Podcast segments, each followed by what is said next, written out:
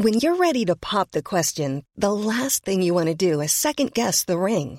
At Bluenile.com, you can design a one of a kind ring with the ease and convenience of shopping online. Choose your diamond and setting. When you find the one, you'll get it delivered right to your door. Go to Bluenile.com and use promo code LISTEN to get $50 off your purchase of $500 or more. That's code LISTEN at Bluenile.com for $50 off your purchase.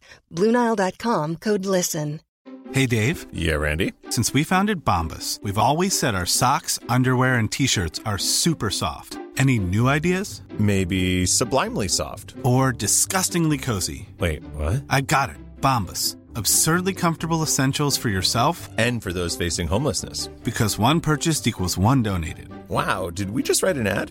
Yes. Bombas. Big comfort for everyone. Go to bombas.com slash ACAST and use code ACAST for 20% off your first purchase. Hey, it's Ryan Reynolds, and I'm here with Keith, co star of my upcoming film, If, only in theaters, May 17th. Do you want to tell people the big news? All right, I'll do it. Sign up now and you'll get unlimited for $15 a month in six months of Paramount Plus Essential Plan on us. Mintmobile.com slash switch. Upfront payment of $45 equivalent to $15 per month. Unlimited over 40 gigabytes per month. Face lower speeds. Videos at 480p. Active Mint customers by 531.24 get six months of Paramount Plus Essential Plan. Auto renews after six months. Offer ends May 31st, 2024. Separate Paramount Plus registration required. Terms and conditions apply if rated PG. Att bli återhämtad redan på jobbet. Ja, att återhämta sig på jobbet, låter det utopiskt? Ja, det är och bör det inte vara. Och då pratar vi inte om att svita iväg för en tupplur i en städskrubb. Ja, roligt eftersom det känns som jag sitter i en städskrubb just nu och poddar. Nej, men visst känns det viktigt att lämna jobbet med både tid och energi kvar för sin fritid. Det tycker vi i alla fall. Och vad man ska fokusera på då, det är vad vi ska prata om idag.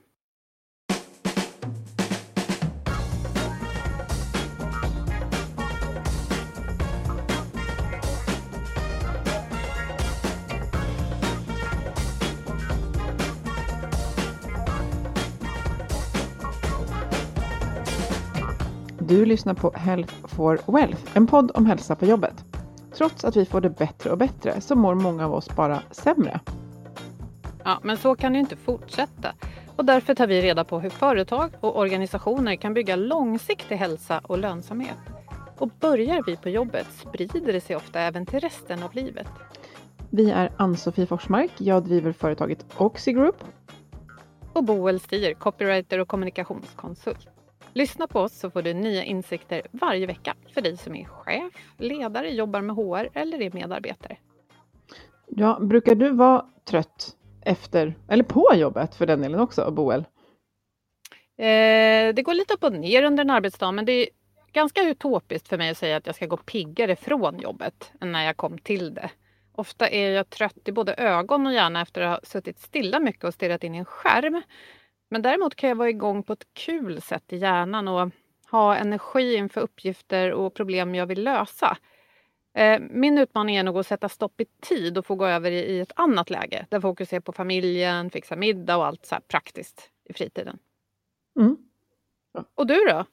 Ja, jag tänkte att jag hade inte alls förberett något bra svar på det där, men, men det varierar nog också. Det stämmer nog ganska väl överens med det du beskriver. Jag kan Eh, jag gör, tycker jag, så engagerande saker på jobbet så att jag automatiskt känner mig väldigt pigg, men kan känna mig helt eh, urlakad efteråt. Men jag har tricks för att väldigt snabbt vända det till att ha energi på fritiden. Så att jag tycker att jag har eh, bra koll på det här med återhämtning, men ser verkligen fram emot dagens eh, eh, samtal. Och eh, jag tänkte också att vi skulle lyfta, det finns en studie, eller vad ska man säga, data från OECD där man tittar på work-life balance. Det är inte specifikt återhämtning, men just där man tittar och ser att Sverige kommer ut väldigt högt. Det ser ut som att vi har mycket work-life balance för att vi inte jobbar mest timmar i hela världen. Men man tittar inte på vilka energinivåer vi har när vi lämnar jobbet. Eh, och jag tänker att det är rätt relevant att reflektera över att vissa dagar så kanske man jobbar fem timmar och helt slut och andra dagar jobbar man tio timmar och ha mer energi. Det beror ju liksom på ja, men just vad, vad och hur vi gör saker under arbetsdagen. Mm. Och vi har en... Vår, vår, par- ja, vår partner Twitch Health har ju spanat lite på vad som har hänt inom hälsa och friskvård nu för att eh, ja, den här krisen, covid-19, corona, har inneburit att väldigt många har stängt sina kontor. Eh, väldigt många av oss jobbar hemifrån. Över 50 procent såg jag siffror på i alla fall. Och i kölvattnet av det så har ju många tvingats ställa om eh, och ja, vissa har kommit långt, andra har kanske inte alls kommit ikapp. Twitch har i alla fall frågat ett 50-tal företag hur man tycker att folkhälsan, eller hälsan då bland de egna medarbetarna, påverkas av det som har hänt. Och de delar med sig av den här informationen i en artikel. Ja, och vi kan plocka upp några saker där. Att det är självklart som vanligt med de här frågorna varierar väldigt mycket vad företag gör. En del har eh, bromsat det mesta för att överleva. Eh, men de gör reflektionen här att initialt så var det väldigt mycket det här eh, ta på dig byxorna när du jobbar hemma, ta fram strykbrädan, lite konkreta tips för, för hemarbete och kanske ta fram och lyfta fram vad som finns på plats för stöd inom eh, organisationen, hemergonomi så att säga. Men så småningom så har fler företag eh, börjat hitta formerna för det här eh, och pratat om nya ramar för arbete på distans och nya rutiner. Och med det här vill vi verkligen putta in också att det är långt ifrån alla som faktiskt bara kan sätta sig hemma och jobba vid en strykbräda, utan väldigt många verksamheter pågår ju på plats och måste göra så. Mm. Man har eh, börjat sända mer live eh, eftersom allting har flyttat över till eller allting i stort sett har flyttat över till de digitala rummen. Eh, men utmaningar finns det gott om. Och precis som i vanliga fall så är hälsoarbetet tyvärr, får vi väl säga, ganska aktivitetsdrivet snarare än styrt av mål. Och det här är inte så konstigt i pressade situationer, men vad som är bra och mindre bra och hur det kan se ut efter pandemin kan du läsa mer om på Twitch Health webbsida twitchhealth.se. Och ja, vi kan avslöja att Twitch-analys pekar på att e-hälsa, det var ingen fluga. Det är här för att stanna. Men nu åter till dagens ämne, återhämtning. Jag vågar påstå att det är alltid relevant för alla och eh, skulle jag också våga påstå ofta en, en utmaning för många. Eh, och just nu om vi tittar på en specifik sektor så, så tror jag vi alla har tagit del av att vården eh, har det väldigt jobbigt, alltså de som jobbar där, som sliter långa tuffa pass med extraordinära utmaningar. Och det vill vi verkligen ha respekt för och vi eh, tror inte att vi, det kommer inga quick fix i det här. Däremot så kommer det vi pratar om idag faktiskt eh, handla om eh, eller studien som kommer, vi kommer prata delvis om idag, den kommer faktiskt just från, eh, från vården. Ja, för vi har bjudit in Lina Eilertsson som forskar på Lunds universitet och doktorerar i folkhälsovetenskap. Och hon har gjort en studie på just återhämtning för vårdpersonal. Välkommen Lina! Tack! Med oss från Malmö, eller hur? Ja, precis. Ja. ja. Och Ja, men vi tänkte faktiskt börja med, som sagt, du doktorerar i folkhälsovetenskap och du jobbar med den här studien nu och håller på att sammanställer och gör din avhandling. Och, eh, vi pratar om återhämtning och vi, vi tänkte faktiskt börja med att be dig hjälpa oss att definiera vad är, vad är återhämtning? Ja, det är ett svårdefinierbart begrepp. Det är väldigt komplext och det är något jag har sett i min forskning också. Eh, men om man börjar med att säga att man kan se återhämtning lite som en pågående process där målet kanske då är att känna sig återhämtad eller känna att man blir påfylld med ny energi. Eh, men just vad som krävs för att nå dit, det är väldigt olika, väldigt individuellt. Och det, en av mina studier har handlat om just det, att försöka helt enkelt kartlägga begreppet. För vi vet inte så mycket om, om återhämtning och vad det faktiskt innebär. När man liksom söker, vad är återhämtning? Då handlar det mycket om att sova, att vila, att ha semester. Um, sådana komponenter som faktiskt sker utanför arbetet till stor del. Men vi vet inte så mycket om hur kan vi få in det här under arbetsdagen? Hur kan vi faktiskt komma hem, som du nämnde innan Boel, komma hem, inte vara helt dränerad på energi utan komma hem med plus på kontot. Så komplext begrepp, men det är liksom lite det jag försökte sätta tänderna i precis i början. Just att försöka någonstans hitta gemensamma nämnare i alla fall ah, okej, okay, vill jag känna mig återhämtad, vad behöver jag då fokusera på?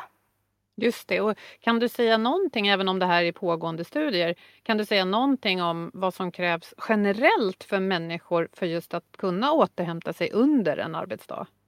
Mm. Vi, eh, i vår studie så gick vi ut helt enkelt och pratade med medarbetare. Vi gjorde intervjuer. Eh, för jag menar, är det någon som vet vad jag, vad jag behöver för att återhämta mig är det jag själv. Så att det var så vi gjorde. Vi pratade med vårdpersonal. Vilka faktorer krävs för att ni ska kunna återhämta er? Vilka omständigheter finns? Och då kan man väl säga att det landade i tre områden som inte bara gäller vårdpersonal utan som faktiskt gäller liksom alla typer av arbetskontexter. Den första rör variation i arbetet. Då handlar det om både att variera sina arbetsuppgifter, att inte göra samma sak hela dagen. Att variera tempot, vilket ju kommer naturligt om man byter arbetsuppgifter. Att man inte liksom kör på i 200 kilometer i timmen hela dagen, för det klarar man inte. Man behöver gå upp och ner i tempo. Och även variation i plats. Både liksom stå och sitta rent fysiskt för att må bra i kroppen, men även att lämna rummet, att kanske lämna lokalen, att inte sitta inom samma fyra väggar. Så det var den första biten, variation i arbetet. Och den andra området handlar om gemenskap, alltså relationer med arbetskamrater. Och det är ju en otroligt viktig del som vi vet hur liksom stöd i arbetet, trygghet på arbetsplatsen, hur mycket det gynnar välmåendet. Men nu även liksom återhämtningsmöjligheterna. Att kunna hjälpa varandra, samarbeta, att eh, inte bara lära känna varandra rent professionellt utan även liksom våga skrapa lite på ytan och lära känna varandra på det privata planet också. Att ha tiden att prata om annat än jobb, att skratta tillsammans. Eh, den typen av, av saker. Att visa varandra uppskattning. Att våga ge varandra positiv återkoppling eller positiv feedback som man pratar om. Eh, att inte bara tänka wow vilket bra jobb hon gjorde utan att faktiskt säga det också. Och det kan stärka gruppen, stärka gemenskapen. Och det sista området som handlar om hanterbarhet. Och jag vet ni har varit inne en del på eh, Kazam, Antonovskis teori eh, om eh, meningsfullhet, hanterbarhet och eh, begriplighet. Och där kunde vi se att just hanterbarhet, att känna att jag har kontroll på min arbetssituation, jag har koll på läget lite grann. Det är så viktigt. Och då handlar det både om att hinna göra klart en arbetsuppgift innan man påbörjar nästa. Att inte ha för många bollar i luften utan det ska kännas hanterbart. Att känna att även om höga, pappershögarna växer på skrivbordet, jag vet vad jag ska prioritera. Men även något som är jätteviktigt är att känna att man har påverkansmöjlighet till den egna arbetssituationen helt enkelt. Man blir sedd, man blir lyssnad på. Och att man har tid för reflektion och det är ju jättespännande för det har liksom kommit, varit återkommande i de studier jag har gjort. Jag hinner reflektera över mitt eget arbete och jag hinner även reflektera med arbetskamrater för att kunna utvecklas. Såklart både på det professionella planet men även det personliga planet. Så om man ska ringa in återhämtning då, eh, så handlar det om variation, hanterbarhet och gemenskap. Det vill säga, det här ska vi satsa på. Det är de här tre områdena vi behöver eh, olika nivåer av för att kunna uppleva återhämtning. Men vad intressant. Jag kan ju inte låta bli att tänka då eftersom du har intervjuat vårdpersonal. Nu kan jag tänka mig att vissa kanske satt med mer skrivbordsarbete och andra jobbade kliniskt av de du har intervjuat. Precis. Men om man tänker på de som sliter i vården med intensivvård nu och sätter på mm. sig eh, liksom masker och skyddsutrustning mm. så kan man ju tänka sig då att eh, hanterbarheten kanske är låg då ändå därför att man är tvungen att jobba under väldigt svåra förhållanden och vi vet inte hur länge det kommer mm. att krävas.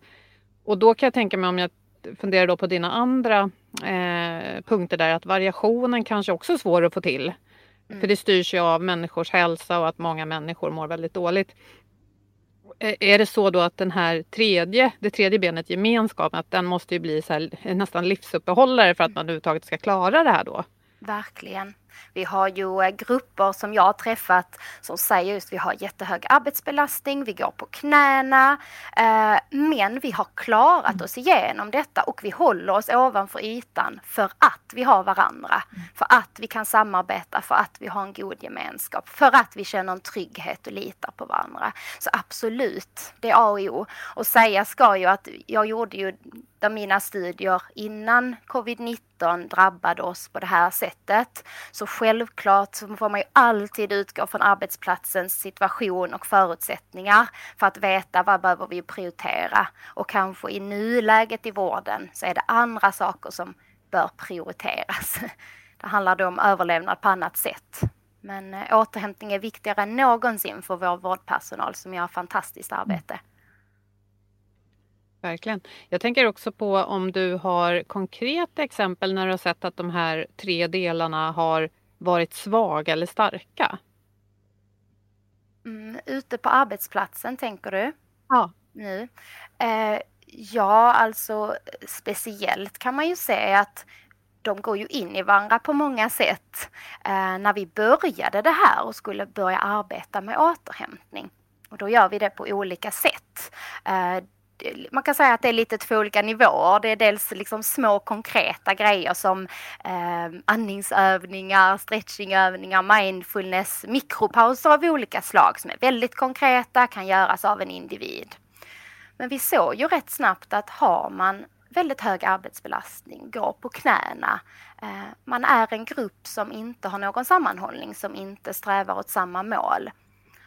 Då kan man inte ta sig an de där konkreta återhämtningsgrejerna. Man kan inte skratta sig ur en så svår situation om man uttrycker det så. Utan då måste man börja i andra änden. Vi måste börja jobba mer organisatoriskt. Vi måste börja arbeta med gruppen för att börja sträva mot samma mål. Så liksom konkret exempel från verkligheten är väl just det där gemenskapen är så tydlig att har man inte den där grundgemenskapen på arbetsplatsen så kan det vara rätt så kämpigt att arbeta med de andra bitarna faktiskt. Jag Tänker på också på variation kanske kan vara knepigt. Vissa, eh, ja nu tar jag bara ett exempel rakt ut i luften att man sitter på en sån här eh, provtagningscentral till exempel och mm. ska hjälpa folk att ta prover. Så kan jag tänka mig att ja, proverna i sig kanske skiljer sig åt något, men det är väldigt mycket blodprover och sådär. Och så är det ungefär samma situation hela tiden. Vad, hur kan man hjälpa då? Ja, där är det ju tillbaka till det här som någonstans är A och O, att utgå från sina egna förutsättningar. Vi har så skilda arbetsplatser, vi har så skilda individer med olika personligheter, olika behov. Och då får liksom alla, alla ni som lyssnar nu måste liksom se till er själva. Vad kan jag göra? Vad kan jag hitta? Nej, jag har kanske ett arbete som är styrt. Jag har ett schema som någon annan har satt till mig. Jag har inte så stor påverkansmöjlighet. Jag ska sitta och ta prover. Men kan man då liksom utnyttja dels patientmötena på något sätt, liksom försöka se det positiva och glädjen i det, att det är en variation i att man träffar olika människor.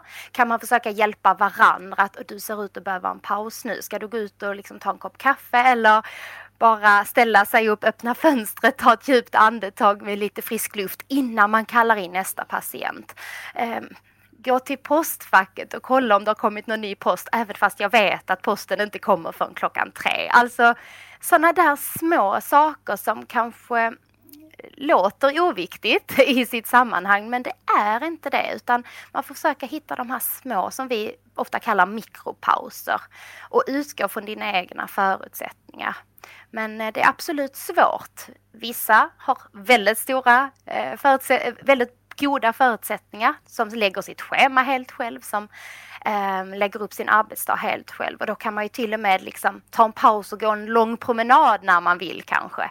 Eh, Medan andra är mer låsta. Men utgå från egna förutsättningar är väl det bästa rådet jag kan ge. Jag tänker det, du, det, det som du beskriver nu, det, det låter eh, som att det handlar om att minska belastningen av när arbetet utförs genom variation, genom att uppleva gemenskap och genom att känna ha kontroll. Och sen så har du också gått in på just att vi behöver pauser och gemenskap kan ju vara att jag känner gemenskap när jag tar en, en rast till exempel och att på det sättet så blir den rasten mer återhämtande för att jag upplever gemenskap. Så att, um, tolkar jag dig rätt om att återhämtningen här handlar om att just att, um, för det kan ju vara, jag jobbar jättehårt men får jättebra uh, paus till exempel. Men det kan också vara att jag jobbar jättehårt men jag gör det på ett sätt som gör att jag inte belastas så mycket vare sig fysiskt eller kognitivt och det i sig är återhämtande. Det kan det vara. Alltså man får inte glömma bort att vi har både positiv och negativ stress. Eh, bara för att du har väldigt mycket att göra betyder inte att det, att det är någonting negativt för dig, varken liksom mentalt eller rent fysiskt. Så eh, det, måste man skilja på och där får du liksom gå till dig själv och känna vissa klarar av stress mycket bättre än andra och du får bara läsa av. Det kan inte nödvändigtvis så att gemenskap eller rättare sagt att umgås med någon ger dig mm. återhämtning utan du kanske är mer introvert som person. Du behöver sätta dig i tyst mm. rum och ta tio djupa andetag för att känna att du kan gå ut och ta, sätta tänderna i mm. nästa uppgift.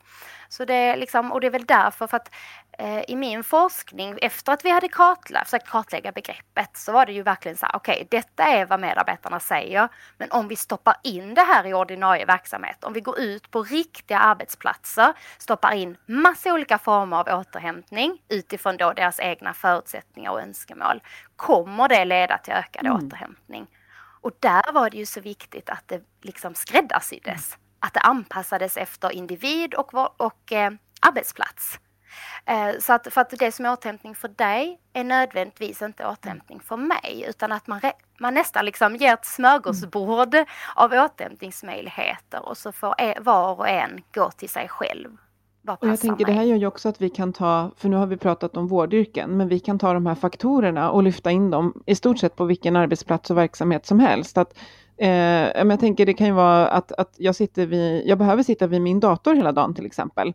Och då behöver jag hitta variation i kanske vad jag, ja, hur jag sitter, hur jag står eh, och också i arbetsuppgifter där. Jag behöver också fokusera på gemenskap och en känsla av kontroll. Att det här, eh, det var tacksamt med den här studien känner jag, att vi kan ta med de här faktorerna. Men precis som att inom vården så behöver vi också sen titta på våra specifika utmaningar, så, så behöver vi ju det på alla andra. Vi kan inte generalisera vare sig för bransch eller ens eh, en grupp, utan det kommer vara individuellt. Har vi en introvert medarbetare så kommer gemenskap att handla om något annat för någon, än för någon som är eh, extrovert. Och det kan också ha att göra med bara hur jag mår den dagen, hur jag vill ha gemenskap med mina medarbetare. Men jag behöver se till alla de här faktorerna eh, för att kunna få återhämtning i, i min arbetsdag. Eh, apropå hanterbarhet så kan jag nog inte låta bli att tänka på att vi är många nu som befinner alltså, eller vi alla befinner oss i en situation som vi inte riktigt vet eh, så här, vart den leder, när kommer det att ta slut, blir det likadant som innan då, har jag kommit jobb, eh, ser mina uppdrag ut som tidigare? Och det måste ju vara tufft också nu då just med hanterbarheten tänker jag. Verkligen, och, och trygghet, ja. bristen på trygghet som vi vet är väldigt viktigt för välmåendet.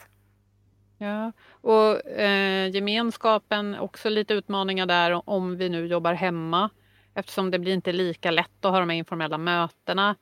Men då kan man ju fråga sig, okej okay, hur är det med variationen? Ja, det kan jag säga i alla fall att den, den lider när jag sitter hemma eftersom jag gärna blir sittande. Mm. För att jag blir inte störd av kollegor sådär, vilket jag plötsligt har upptäckt kan vara ganska trevligt. Så den, de här tre punkterna kan ju vara bra för egentligen alla att ta till sig redan idag och fundera på vilka man har på plats och inte. Verkligen och just med den sociala distanseringen vi, vi har mycket nu så är det ju jätteviktigt att inte glömma bort det där, att inte avskärma sig själv utan Fortsätt ring kollegor, ha möten, på, använd de digitala verktyg som finns, släng iväg en fråga om hur läget är idag, eh, träffas för digitala after work efter arbetstid. Alltså nyttja de digitala verktyg som finns. För det är ju en stor risk vi har att göra med idag att eh, att folk som inte mår så bra blir avskärmade och det är ingen som kan upptäcka kanske att, att personen i fråga inte mår bra för man jobbar hemifrån. Mm. Så det är viktigt också såklart för chefen att vara väldigt uppmärksam på sina anställda, att hålla kontakten, kolla hur läget mm. är. Och jag tänker att det är, ja. Jag tänker att vi som individer så behöver vi ju inventera och få en förståelse för vad vi själva behöver och som, som ni precis var inne på nu, det här att eh, jag kan reflektera precis som Bo, eller att för mig är det väldigt eh, annorlunda att få till den här återhämtningen. Eh, både för att hela samhället på något sätt upplever en hög stress och oro just nu, men också för att min arbetssituation eh, är helt annorlunda i och med både de liksom restriktionerna som är, men också hur jag eh, har min, min setup under dagen så att säga. Eh, men, eh, och du var inne på det också, att vi kan inte bara eh, ja, men det här, nu, ja, jag vet inte hur du beskrev det, men, men just det här att vi kan inte bara göra en enkel lösning, utan vi behöver också titta på de här förutsättningarna för återhämtning på en grupp och kanske organisationsnivå.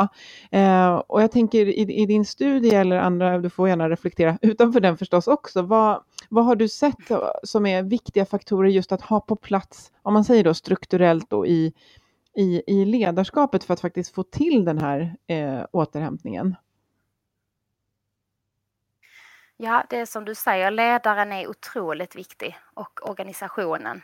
Eh, speciellt eh, om man tänker attityden på en arbetsplats pratar man mycket om. Det har gjorts mycket studier på eh, hur främjande det är med humoristisk arbetsplats, en arbetsplats där det finns stöd, där det finns trygghet. Mycket sånt som sitter lite i väggarna.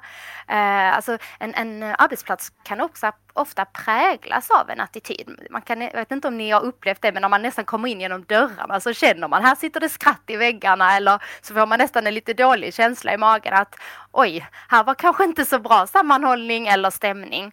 Och där har vi ju sett, eh, många studier har visat det och vi har också sett att just eh, hur ledaren på något sätt visar vad är okej okay här hos oss sätter upp vissa regler, vissa principer för här, om vi då anknyter till återhämtning. Hos oss är det okej okay att återhämta sig om man känner att man behöver det. Det är okej okay att sticka in huvudet till kollegan och växla några ord. Det är okej okay att skratta i korridorerna. Det är okej okay och så vidare och så vidare. Att nyttja de faciliteter som finns för återhämtning eller träning eller vad det är. Um, så det kan man verkligen se. Och och inte bara säga att det är okej okay, utan också att visa det. För det har ju vi sett liksom bland annat att Okej, okay, en chef kan ha sagt du får återhämta dig när du behöver det. Medan medarbetarna känner att ja, fast jag ser nog blickarna och jag hör nog kommentarerna. Och där det präglas nästan av lite dåligt samvete. Det här gamla tänket att om du tar paus är du lat. Äh, här ska vi jobba. Det här liksom verkligen ålderdomliga sättet att tänka men att det på något sätt sitter kvar och att man då som ledare och arbetskamrater både säger att det är okej okay och visar att det är okej okay genom att utöva det själv. Så att inte, återhämtning ska liksom inte eh, det ska inte höra ihop med ett dåligt samvete för om jag går och tar en paus nu det betyder att mina kollegor får arbeta hårdare och så sitter man hela, hela återhämtningsstunden och har dåligt samvete. Utan att man på något sätt arbetar med hela attityden på arbetsplatsen. Det tror jag är viktigt som ledare. Uh, och såklart att man tror på det här sättet att jobba. Man tror på det hälsofrämjande, man tror på det hälsoskapande. Vi släcker inte bara bränder här och tänker på ekonomi i första rummet, utan här satsar vi på personalen och vi satsar långsiktigt. Mm. Och den tror jag är tuffare idag för även chefer som vill tänka så kan ju vara väldigt hårt pressade av att ja, det kan ju vara att ens eh, avdelning hotas av nedläggning, att eh, kunden har försvunnit eller att eh, man plötsligt är mycket färre människor som ska utföra samma eh, typ av uppgift. Jag tänker att där är nog en stor utmaning att säga att det är viktigt med återhämtning men att sen kanske själv som chef känna att jag får aldrig till det. Mm. Och vad man gör i en sån situation, jag vet inte, helt ärligt. Nej, det är i alla fall tacksamt att vi har vetenskapen i, i, liksom i ryggen på detta. Vi har sett och liksom all forskning pekar på att tänker du långsiktigt, ger du personalen möjlighet till pauser som det har forskats lite mer på till exempel, då kommer de jobba mer effektivt. De kommer producera mer, om vi nu tänker pengar liksom, vilka belägg man lägger fram för cheferna, för ledningen. Så att jag menar, vi har vetenskapen i, i, i ryggen där, nu ska vi bara liksom få till det i praktiken också.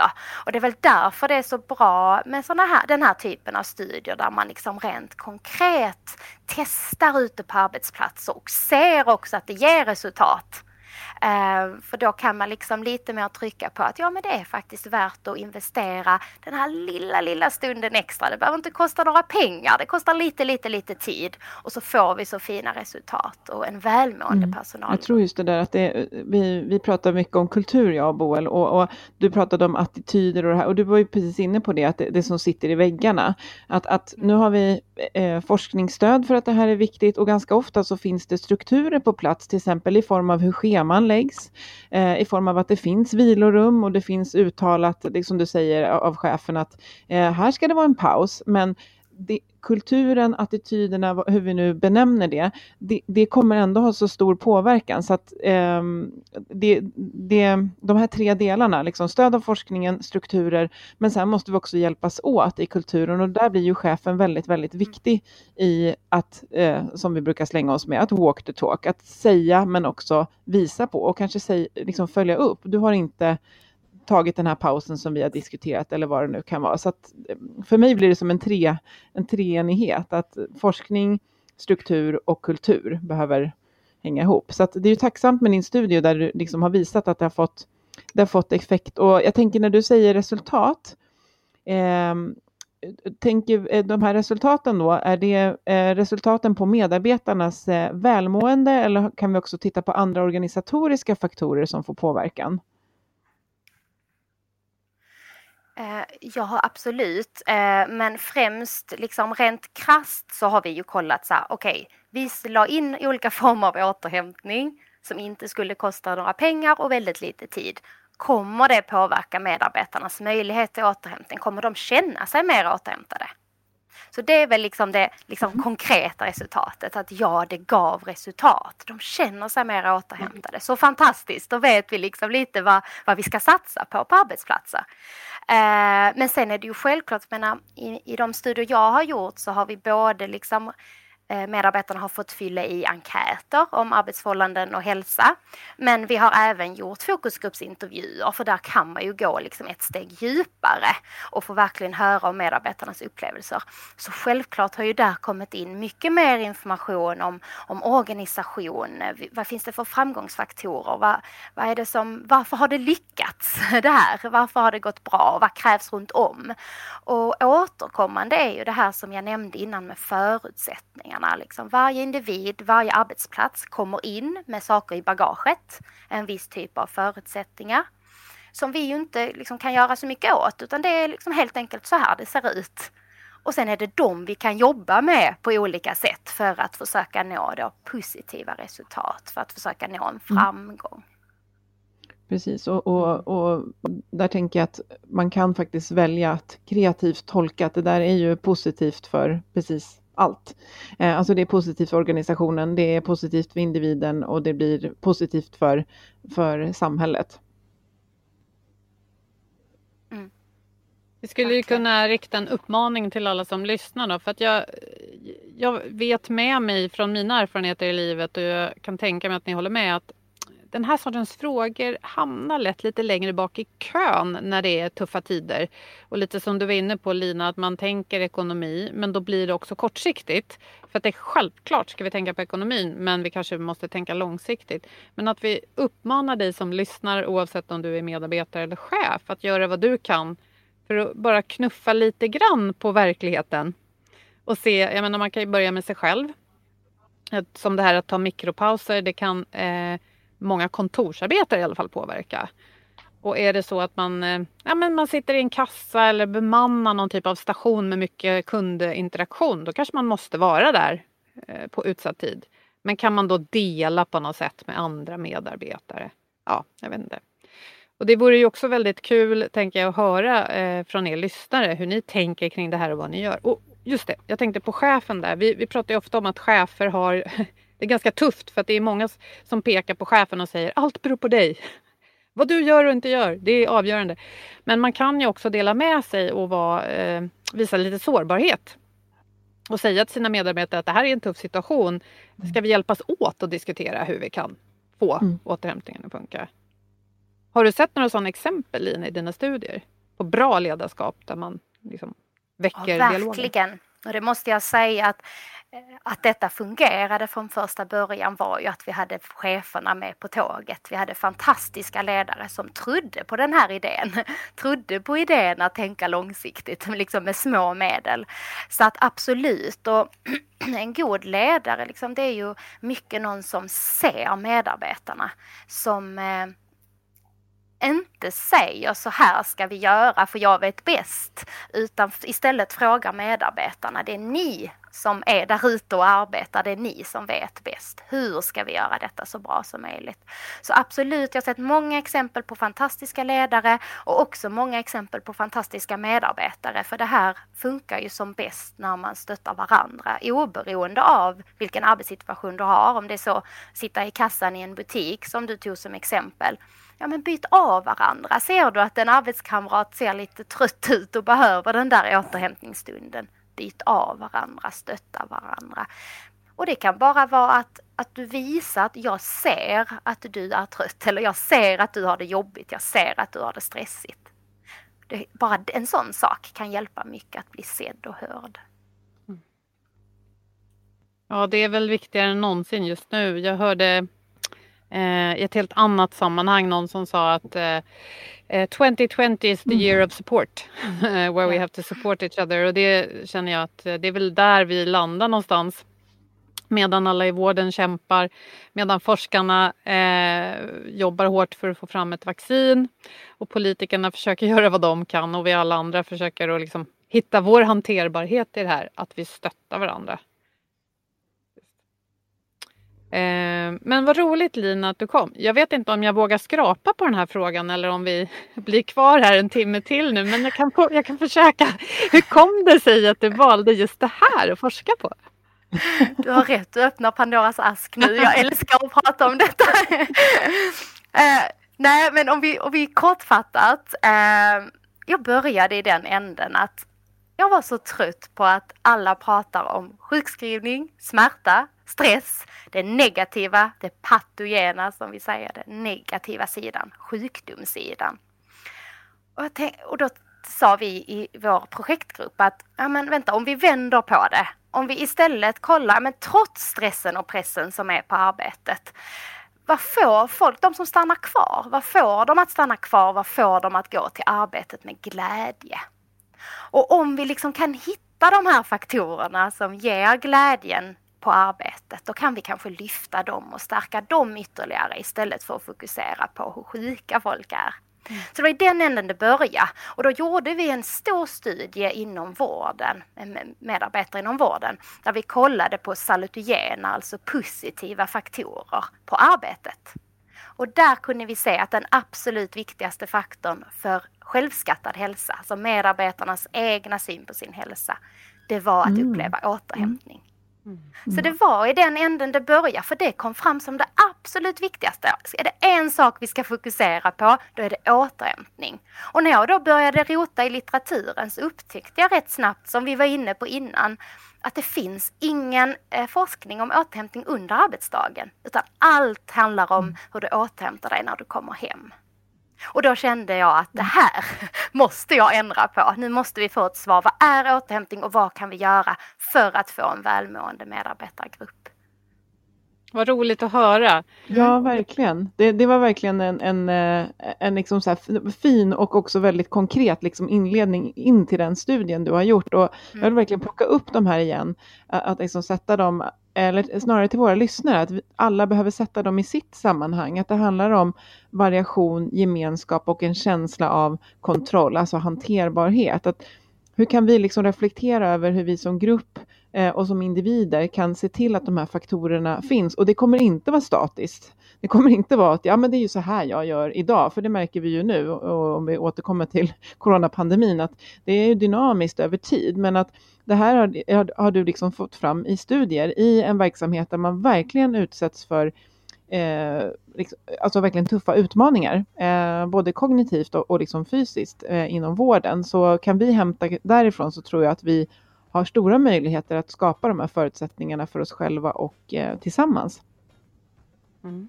Ja men vad roligt, då skickar vi med eh, lyssnarna och, och oss själva tänker jag kanske att det är inte den här eh, fluffiga eh påkostade kickoffen kanske som gör eh, skillnad eller att det finns jättedyr champagne på AWn. Utan att man med små medel som du sa eh, får till den här viktiga återhämtningen. Mm. Ja, tack så hemskt mycket för att du kom Lina och lycka till med dina studier.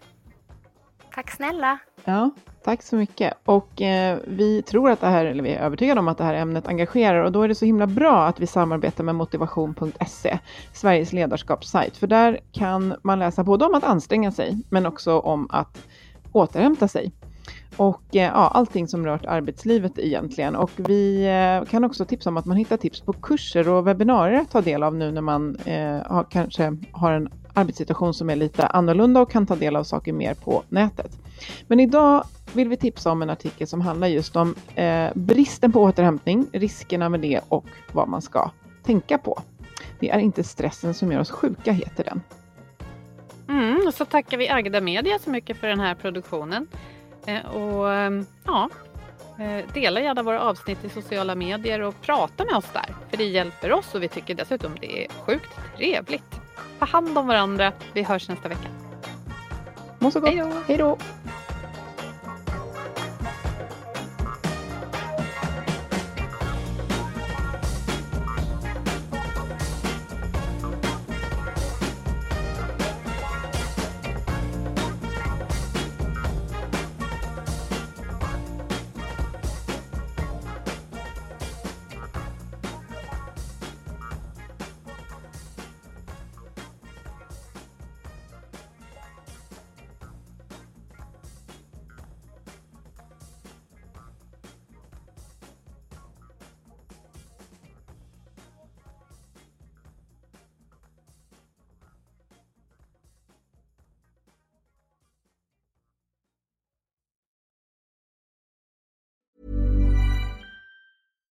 Hey, it's Paige DeSorbo from Giggly Squad. High quality fashion without the price tag. Say hello to Quince.